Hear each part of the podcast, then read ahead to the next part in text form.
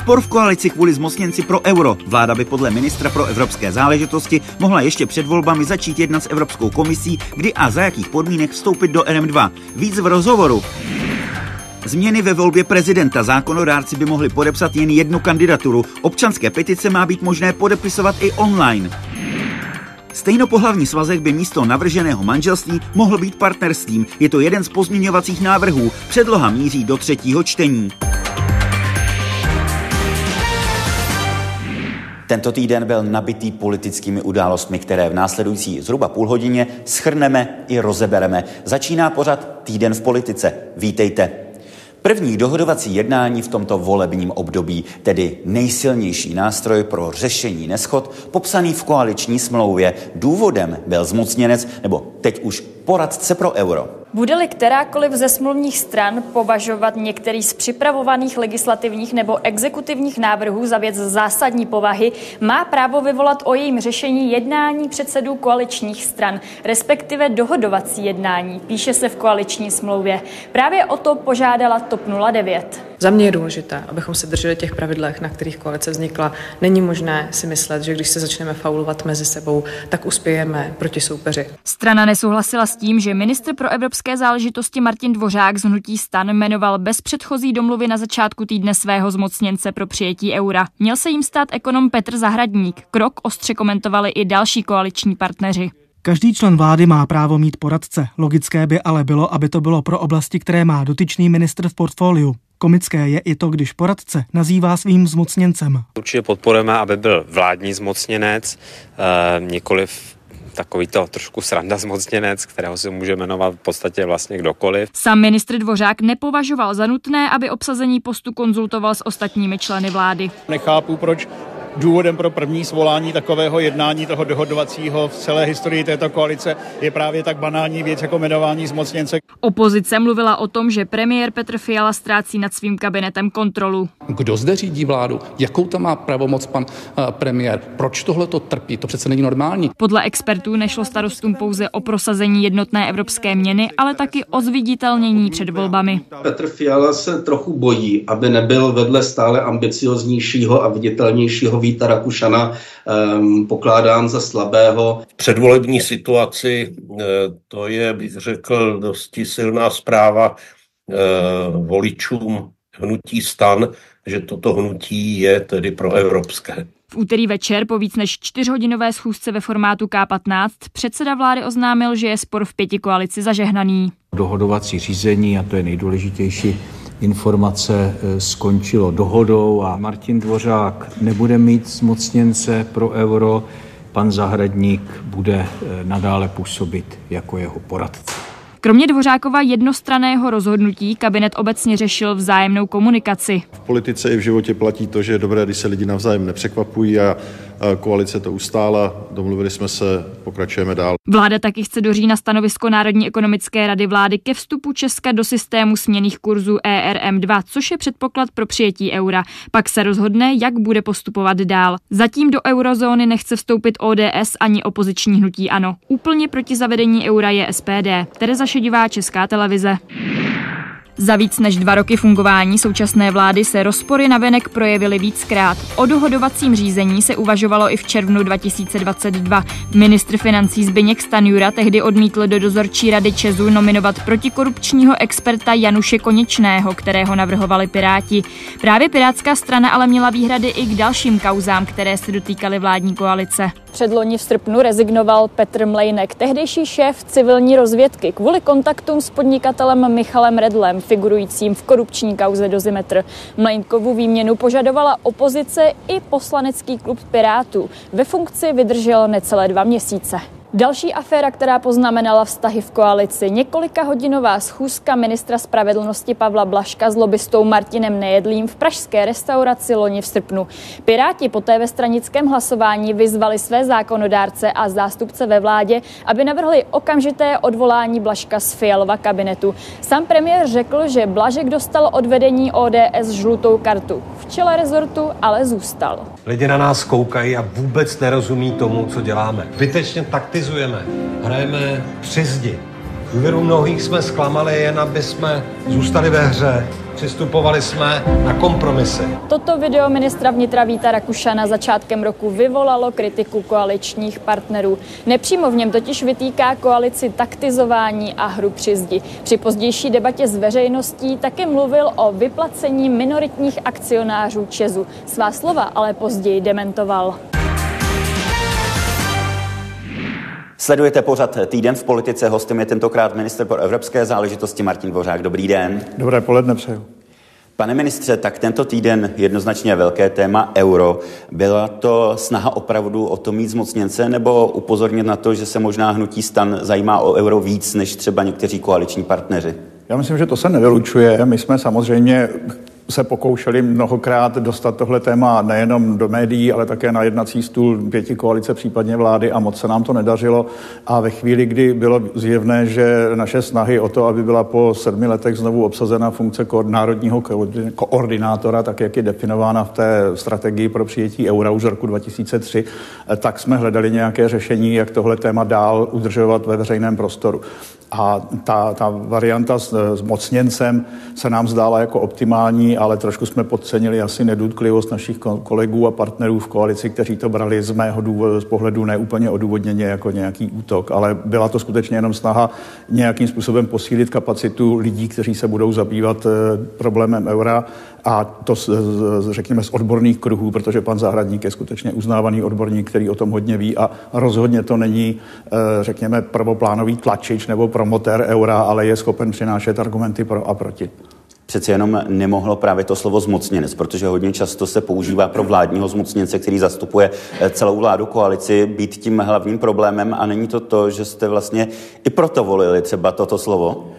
No, já jsem pak pochopil, že to slovo asi bylo skutečně předmětem sporu a je pravda, že jsem to podcenil, protože jak jsem pracoval předtím na ministerstvu zahraničí, tak tam je zmocněnců asi pět nebo sedm a nikdy to nikde nikdo neprojednával někde v koalici, nikdy s tím nebyl problém, ani se to zpětně nedávalo na vědomí a stejně tak vím, že například na ministerstvu, ministerstvu školství mají e, zmocněnce pro digitalizaci a taky se tím necítí určitě atakován Ivan Bartoš. Takže já vím, že prostě funkce zmocněnce funguje, běžně se používá používá, ale myslím si, že víc než to slovo zmocněnec tam iritovalo spíš to slovo euro, přičemž on je ale vlastně nebo byl zmocněncem pro ERM2 a euro. Z vašeho pohledu stálo to za to, protože přeci jenom eh, byla tady první dohodovací řízení v rámci tohoto volebního období.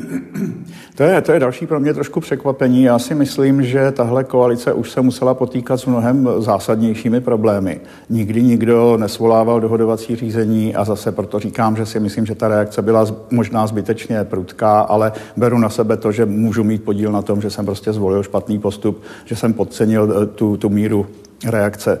Takže z toho důvodu je mi to trošku líto. Stalo se to v pondělí, předtím byly další dva pondělky, kdy hnutí stan trochu rozvířilo vody. Eh, byl to tedy váš předtím váš eh, předseda, eh, který na dvou debatách vždy v pondělí mluvil nejdříve o platu, o, plotech, o navýšení platů policistů, později o Česu, která Tesla potom dementoval. Na co se máme připravit teď v pondělí? Já už jsem tuhle tu teorii zaznamenal, že stan útočí v pondělí. Přišlo mi to velmi úsměvné. Je to spíš náhoda, respektive je to důsledek toho, jak všichni máme nabité ty diáře, protože v úterý, ve středu, ve čtvrtek je vláda, zasedání sněmovny a tak dále. Pondělky, případně pátky jsou jediné dny, kde můžeme vyjet mezi lidi, ale není to žádný jaksi úmysl, že teď jsou slabí, teď na ně zautočíme. Já znova odmítám prostě to, že by to byl nějaký naplánovaný útok. Jaká je vlastně teď nálada v rámci koalice? Protože tam se mluví o tom, že čtyři, čtyři z pěti stran podporují zavedení eura, tak Jaké budou další kroky vlády?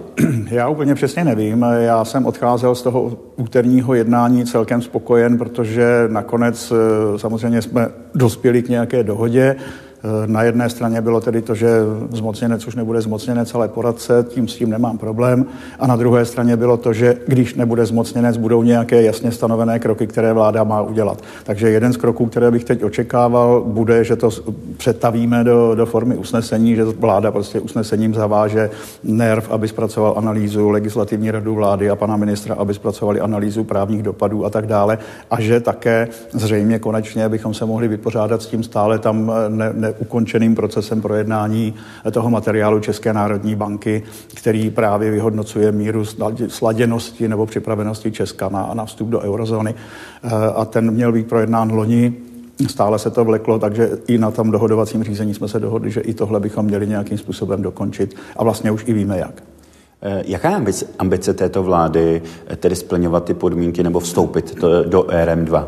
To nejsou bohužel uh, úplně stejné věci. Uh, všichni se shodují na tom, že splňovat podmínky je žádoucí pro zdraví ekonomiky a pro naší prosperitu a pro naší schopnost konvergence, ale na druhou stranu jenom někteří z nás z toho vyvozují, že ve chvíli, kdy budeme plnit ta maastrichtská kritéria, ta tři, tak bychom měli splnit i to čtvrté, a to je ta kurzová stabilita, která se prokazuje fungováním v systému RM2. Ten argument, který zaznívá nejčastěji z mého pohledu, je relevantní, tedy že vstupovat do systému RM2, té stability kurzu, není úplně moudré, pokud nemáte stanovený nějaký termín, jak dlouho tam budete, tedy stanovený datum eh, vstupu do euro, eurozóny.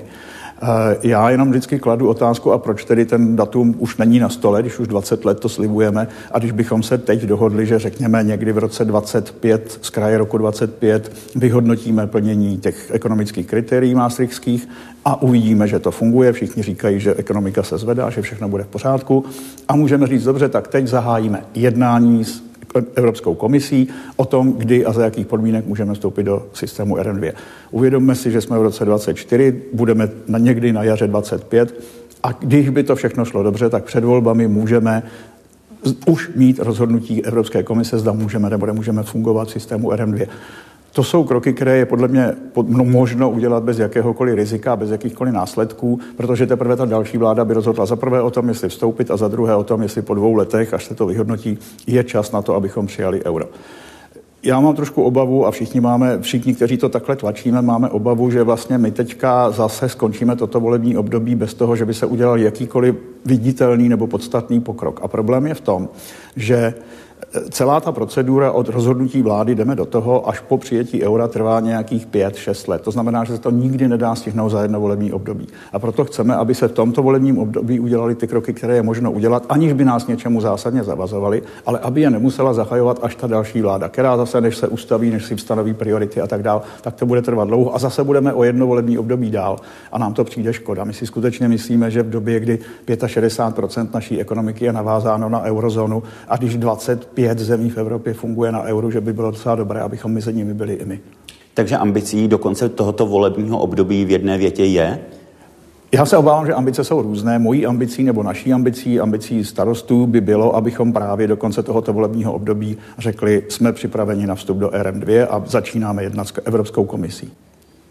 Říká pro týden v politice minister pro evropské záležitosti. Za chvíli budeme pokračovat ale ještě druhou částí, kde se budeme věnovat novému významnému dni, nebo třeba 20 letům v Evropské unii.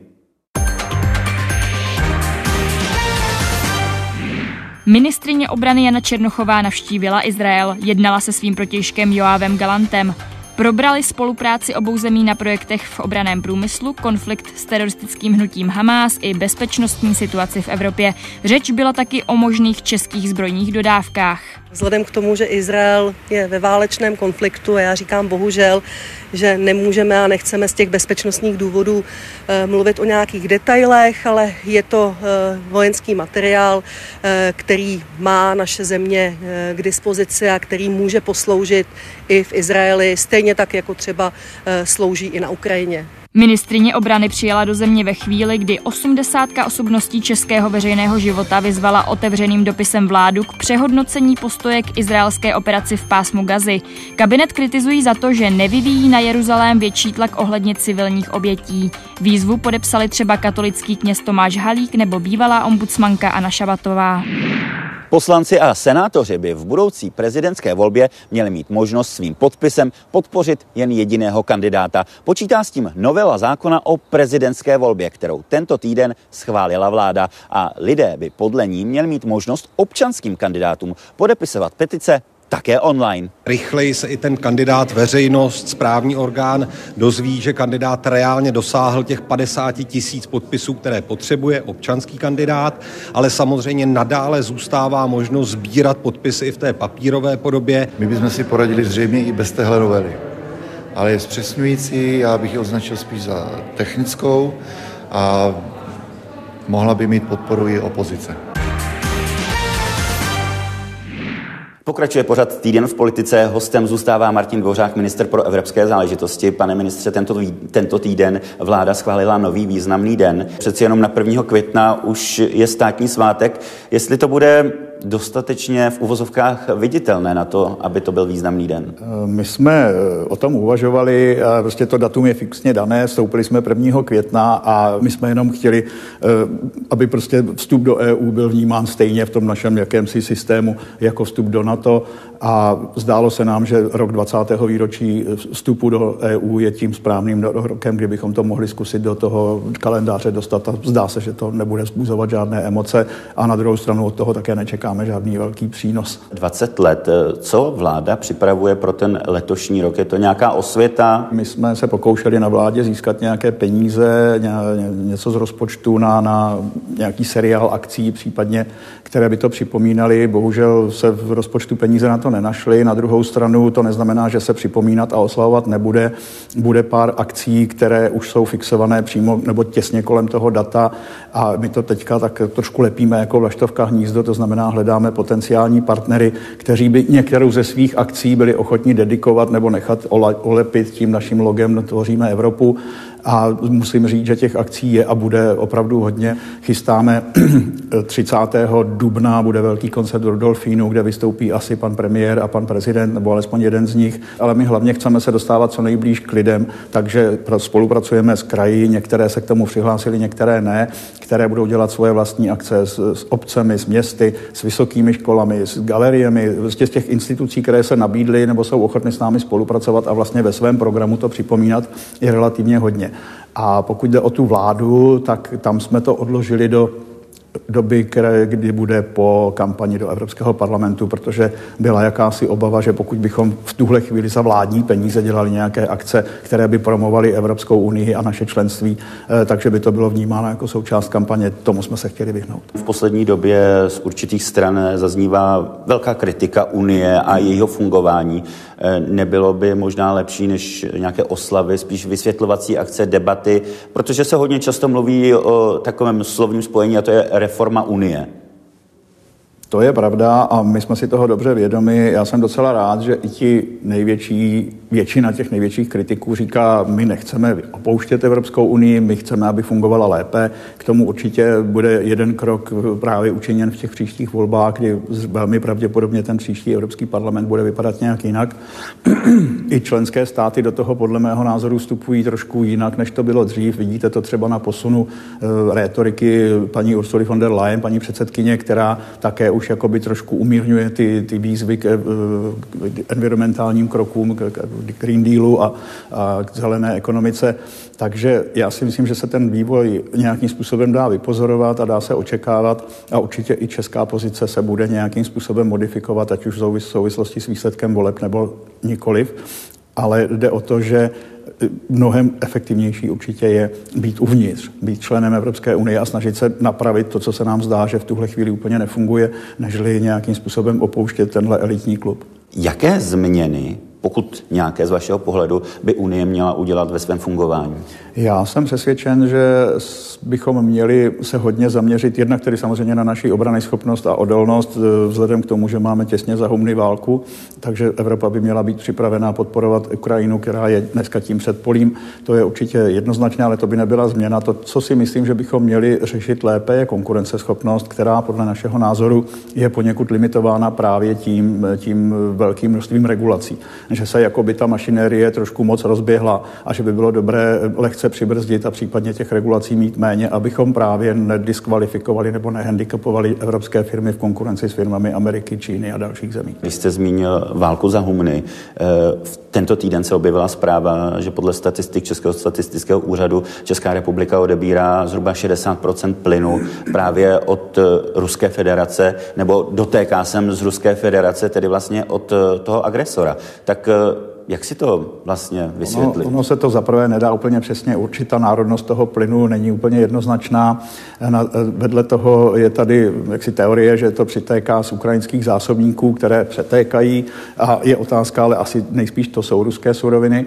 Ale já jsem se o tom bavil s odborníky a oni říkají, že vlastně v tuhle chvíli je ten problém o problém. Je ta realita taková, že někteří naši sousedé, speciálně Maďarsko a Slovensko, nakoupili za relativně výhodné ceny od Ruska ty kontrakty na, na dodávky plynu a v tuhle chvíli mají veškeré zásobníky přeplněné, už to nemají kam dávat, ale ta smlouva je odeber nebo neodeber, stejně zaplatíš. Takže tyhle země jsou v situaci, kdy neprodávat nebo neodebírat by znamenalo stejně platit, takže oni se snaží za velmi nízké ceny tu surovinu dostat do Evropy. A bylo by asi logické, že privátní firmy, které dneska se tím obchodem zabývají, takže nakupují takhle výrazně zlevněné suroviny. A i vlastně podstatné pro nás je, že my opravdu nejsme závislí na dodávkách z Ruska. Nejsme.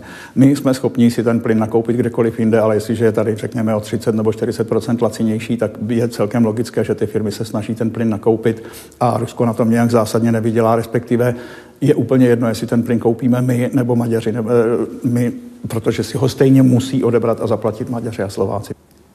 Říká pro týden v politice minister pro evropské záležitosti Martin Dvořák. Já vám děkuji. Bylo by potěšením, děkuji.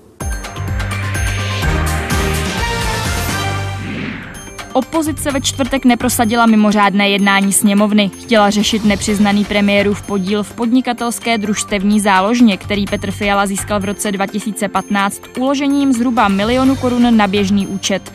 Nezapsal ho ale do majetkového přiznání. Premiér chybu přiznal. Zároveň se hájil tím, že není vyšetřovaný ani obviněný.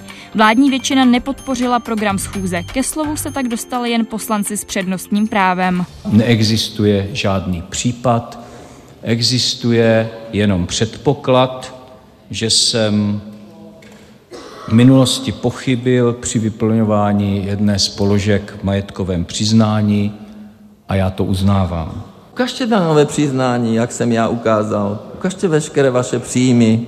Ne? Však když jste takový transparentní, tak to můžete všechno zdokladovat. Premiér Fiala eh, opakovaně neuvedl do svého přiznání podíl ve výši 950 tisíc korun podnikatelů střední záložně a odešel, odešel při mém projevu pryč a ani to nechce poslouchat. Specifikum družstevní záložny je v tom, že poskytuje služby jen svým členům a je tedy nutné vlastnit alespoň minimální družstevní podíl. Za nepřiznání úspor hrozí premiérovi pokuta. Opozice ale kritizovala i to, že se kolem záložny objevují také jména dalších vlivných politiků a kontroverzních podnikatelů. Podnikatelskou družstevní záložnu v minulosti také pokutovala Česká národní banka. Nemě Neměla totiž dodržet předpisy proti praní špinavých peněz. Možnost uzavírat manželství i pro stejnopohlavní pár je tady ve sněmovně před závěrečným schvalováním. Poslanci teď ve druhém čtení navrhli řadu úprav, podle kterých by se třeba takový svazek nazýval partnerství, nikoli v manželství. A liší se také šíří práv, které by takové páry měly. Už na úvodních tiskových konferencích bylo ve sněmovně evidentní, že se názory politiků na stejnopohlavní manželství rozcházejí. Manželství pro všechny je lživý propagandistický slogan. Všichni víme, že manželství nikdy nebude pro všechny. Za nás je nesmírně důležité, aby jsme narovnali práva všech. Zastánci změny občanského zákonníku chtějí, aby měla dvojice ve svazku stejná práva jako manžel a manželka. Třeba společné jmění a hlavně práva a povinnosti při výchově dětí. Víte, že jsem podporovatel předkladatelkou narovnání práv stejnopohlavních párů, tak eh, dneska tady před vás předstupuji, aby to bylo úplně jasné, v duhových šatech. Sice nemám duhový oděv, který kdybych měl, tak bych si ho vzal, už jenom proto, abych zdůraznil, že duha patří všem, nejenom těm, kteří si ji usurpují. Kromě SPD jsou proti manželství pro lidi stejného pohlaví i lidovci. Pro dobře fungující společnost je důležitou prioritou fungující rodina která je opřena o manželství, které je svazkem muže a ženy. Naopak Piráti a Stan jsou v dolní komoře jednotně pro. Ostatní zastávají různé postoje. Připomínáme v poslanecké sněmovně, že ne, ne všichni občané této země mají vedle povinností které mají totožné s ostatními taky rovná práva. Koaliční poslanci se domluvili na tom, že o tématu můžou hlasovat podle svého osobního přesvědčení. Nemusí být v rámci klubu jednotní. Sňatky pro stejnopohlavní páry na celostátní úrovni umožňuje v současnosti 35 zemí světa, z toho 20 jich je v Evropě. Tereza Šedivá, Česká televize. Poslanci taky v týdnu v úvodním kole podpořili změnu definice znásilnění. Podle návrhu by nově šlo o pohlavní styk přes nesouhlas oběti, vyjádřený slovem ne, gestem nebo třeba pláčem. Doteď soudy brali v potaz hlavně vynucení silou. Vládní novela počítá i s takzvaným zamrznutím, tedy situací, kdy oběť kvůli strachu z útočníka nereaguje. Pravidla pro poskytování tzv. redistributivní platby zemědělcům by se měla upravit. V Senátu to řekl ministerský náměstek Miroslav Skřivánek. Současné nastavení, kdy jdou dotace na prvních 150 hektarů půdy, podle něj negativně dopadá na střední a větší podniky. Podpořili to členové senátního podvýboru pro zemědělství, kteří ke kroku vyzvali vládu v usnesení. Společná zemědělská politika pro nové období eh, skutečně vychýlala takzvané kivadlo eh, podpory eh, úplně na druhou stranu, než byla v těch předešlých letech, kdy ta podpora skutečně směřovala více k těm středním a velkým podnikům, tak je to teď úplně obráceně. Farmy od 500 do 2000 nebo 1500 hektarů vlastně mají takové propady, kdy je možné uvažovat nad modifikaci eh, tohoto strategického plánu a to na výměru 450, možná 500 hektarů, tak jak navrhuje senátní podvýbor. Aktuálně probíhá volební sněm Hnutí Ano. Andrej Babiš už před ním získal nominace na předsedu od všech 14 krajů. Celé výsledky a také dopady rozebereme v příštím pořadu Týden v politice. A nejen to. Naschledanou.